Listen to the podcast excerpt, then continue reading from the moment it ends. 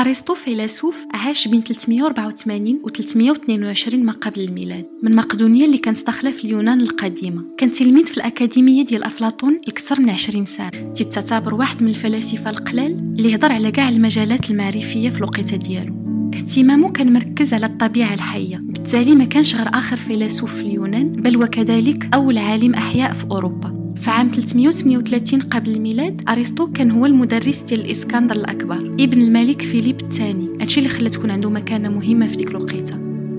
فاش ولى الإسكندر الأكبر ملك أرسطو رجع لأثينا اللي كانت فيها الأكاديمية ديال أفلاطون وفتح الأكاديمية الخاصة به اللي دوز فيها معظم السنين حياته كمدرس وكاتب وباحث حتى الوفاة ديال الإسكندر المقدوني الإسكندر الأكبر. أرسطو كان معروف بأنه فاش كان تيقري التلاميذ ديالو كان تيقريهم وهو تيمشي والتلاميذ ديالو تيبقاو تابعينه على هادشي تلقبوا بالأشخاص المسافرين.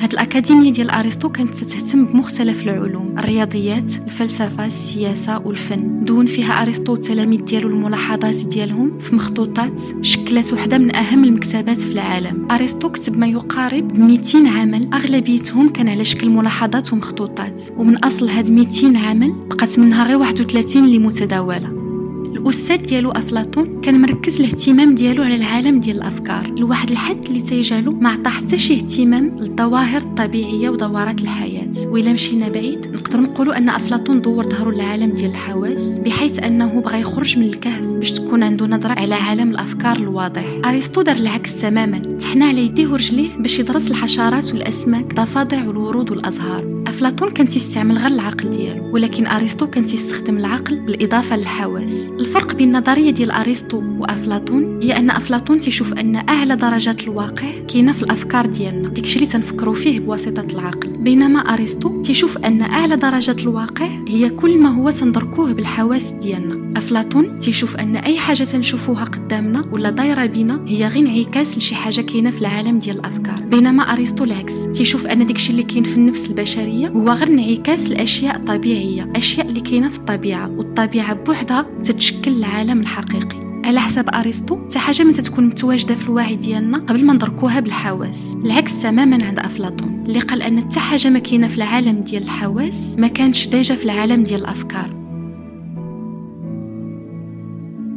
من بعد ما أكد أرسطو الموقف ديالو من النظرية ديال أفلاطون اعتبر أن الحقيقة مكونة من أشياء مختلفة. إلا خدينا كل وحدة منها بطريقة منفصلة غيبان لنا أنها مكونة من شكل ومادة. المادة هي ديك الحاجة اللي تتكون منها الشيء أما الشكل فهو فيه مجموعة ديال الميزات الخاصة النوعية وعطى مثال بالدجاجة. تيقول أن الدجاجة تتصفق بجناحها تعني أن الشكل ديال الدجاجة تيفسر كونها تتصفق بجناحها بالإضافة لأنها تتقاقي وتتبيض. هادشي تغطي الميزات الخاصة بالنوع ديالها أو بالأحرى شنو تدير هاد الدجاجة فاش تتموت وتتوقف على المقاقات والتصفيق بالجناحين ديالها تتوقف الشكل ديالها وما تيبقاش موجود. الحاجة اللي تتبقى منها هي المادة. تعني أنها ما تتبقاش دجاجة بمعنى الكلمة. أما بالنسبة للبيضة ديال الدجاجة فهي الدجاجة بنفسها واخا ما تعنيش أن كاع البيضات غيوليو دجاجات حيت بزاف منها غيسالي بها المطاف كبيضة مسلوقة في الفطور ولا أومليت. الشيء اللي ما تسمح لهاش تكون في الشكل المفترض اللي هو الدجاجة. ولكن هاد البيضة اللي تسلقات ولا اللي تقلات ما عمرها ما كانت غتخرج شي بطة ولا وزة ولا حجلة. حيت هاد الإمكانية ما كانش في هاد البيضة أصلا لأن الشكل ديال الحاجة هو اللي تيدلنا وتيورينا أشنو غادي تولي ديك الحاجة. ماشي غير هادشي بوحدو. ولكن بالإضافة لأنه تيرسم لنا الحدود ديال هاد الحاجة.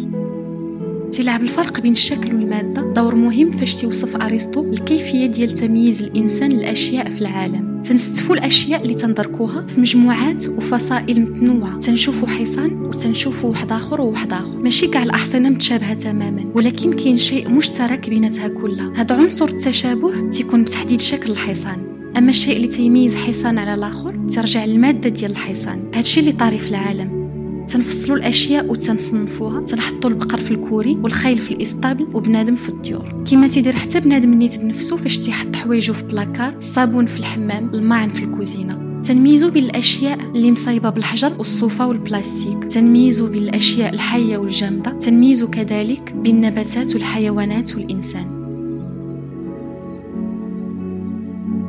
المفهوم اللي كان عند أرسطو للمجتمع هو أن الإنسان خاصو ما يتوقفش عند مظهر واحد من المظاهر ديال الأشياء حيث الإنسان حيوان اجتماعي على حد قوله. وبلا مجتمع داير بينا ما تنكونوش بشر حقيقيين حيث الأسرة والقرية والمدينة هما اللي تيغطيو كاع الحاجيات الأساسية للحياة بحال الغذاء الدفء الزواج وتربية الأطفال. أما الشكل الأعلى ديال المجتمع فما يمكنش يكون من غير الدولة. هنا فين تهضر لنا أرسطو على ثلاثة ديال الأشكال الناجحة للدولة. الشكل الأول تيكون فيها غير رئيس واحد بحيث تيكون هذا الشكل صالح وما خصوش يخضع للطغيان أي ما خاصش يكون راجل واحد تيوجه الأمور لمصلحته الشخصية. الشكل الثاني هو الأرستقراطية بحيث تلقاو أعداد متفاوتة بين المسؤولين وخاص الحرص على عدم تحول هذا الشكل اللعبه في يد مجموعة من الحكام. أما الشكل الثالث فأرسطو تسميه بالديمقراطية ولكنه تقول أن هذا الشكل هو عنده مخاطر بحيث أنه تقدر تحول الدولة من ديمقراطية لشمولية. أرسطو كان يعتقد أن لابد من وجود واحد المسير ديال هذا الكون اللي مخليه في حالة حركة. كان يعتقد أن حركة النجوم والكواكب تتسيطر على حركة الأرض وتقول أنه لابد من وجود قوة تتسيطر على حركة النجوم والكواكب. هذه القوة هو تسميها بالمحرك الأول. هذا الأخير تقول أنه ثابت وما تتحركش ولكنه تبقى هو المصدر لكل حركات الطبيعة.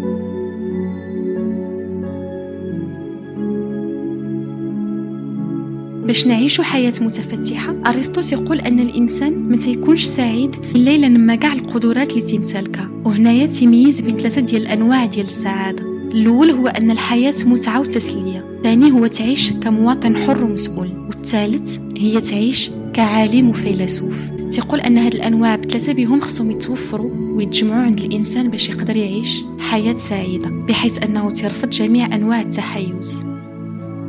فيما يخص العلاقة بالبشر تقول أنه ما خصناش نكونوا جبناء ومتهورين وإنما خصنا نكونوا شجعان. تقول أن القليل من الشجاعة هو جبن والكثير منها هو وقاحة اللي ما فيهاش فائدة. بالإضافة لأنه ما خصناش نكونوا بخلاء ولا مبدرين وإنما خصنا نكونوا كرماء. هنا أيضا تقول أن القليل من الكرم تيكون بخل والكثير تيكون فحال رمي النقود من نافذة. نفس الشيء تيطبقوا على الماكلة من الخطر ناكلو بزاف ومن الخطر كذلك ناكلو غير شوية. ارسطو يقول أن خاصنا نعيشوا بتوازن واعتدال حيث هي الوسيلة الوحيدة اللي غادي يعيش بها الإنسان في سعادة. أرسطو كانت عنده نظرة مختلفة على المرأة. كانت يعتقد أن شي حاجة ناقصاها.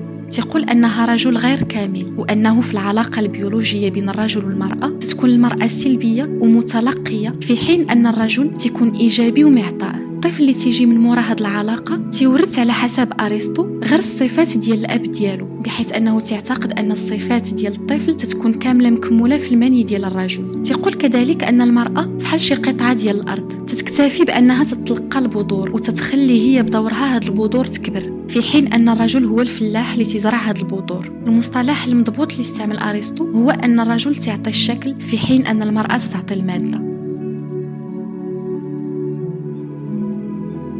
نتمنى تكون دازت عندكم فرجة ممتعة. شكرا على المتابعة وإلى اللقاء.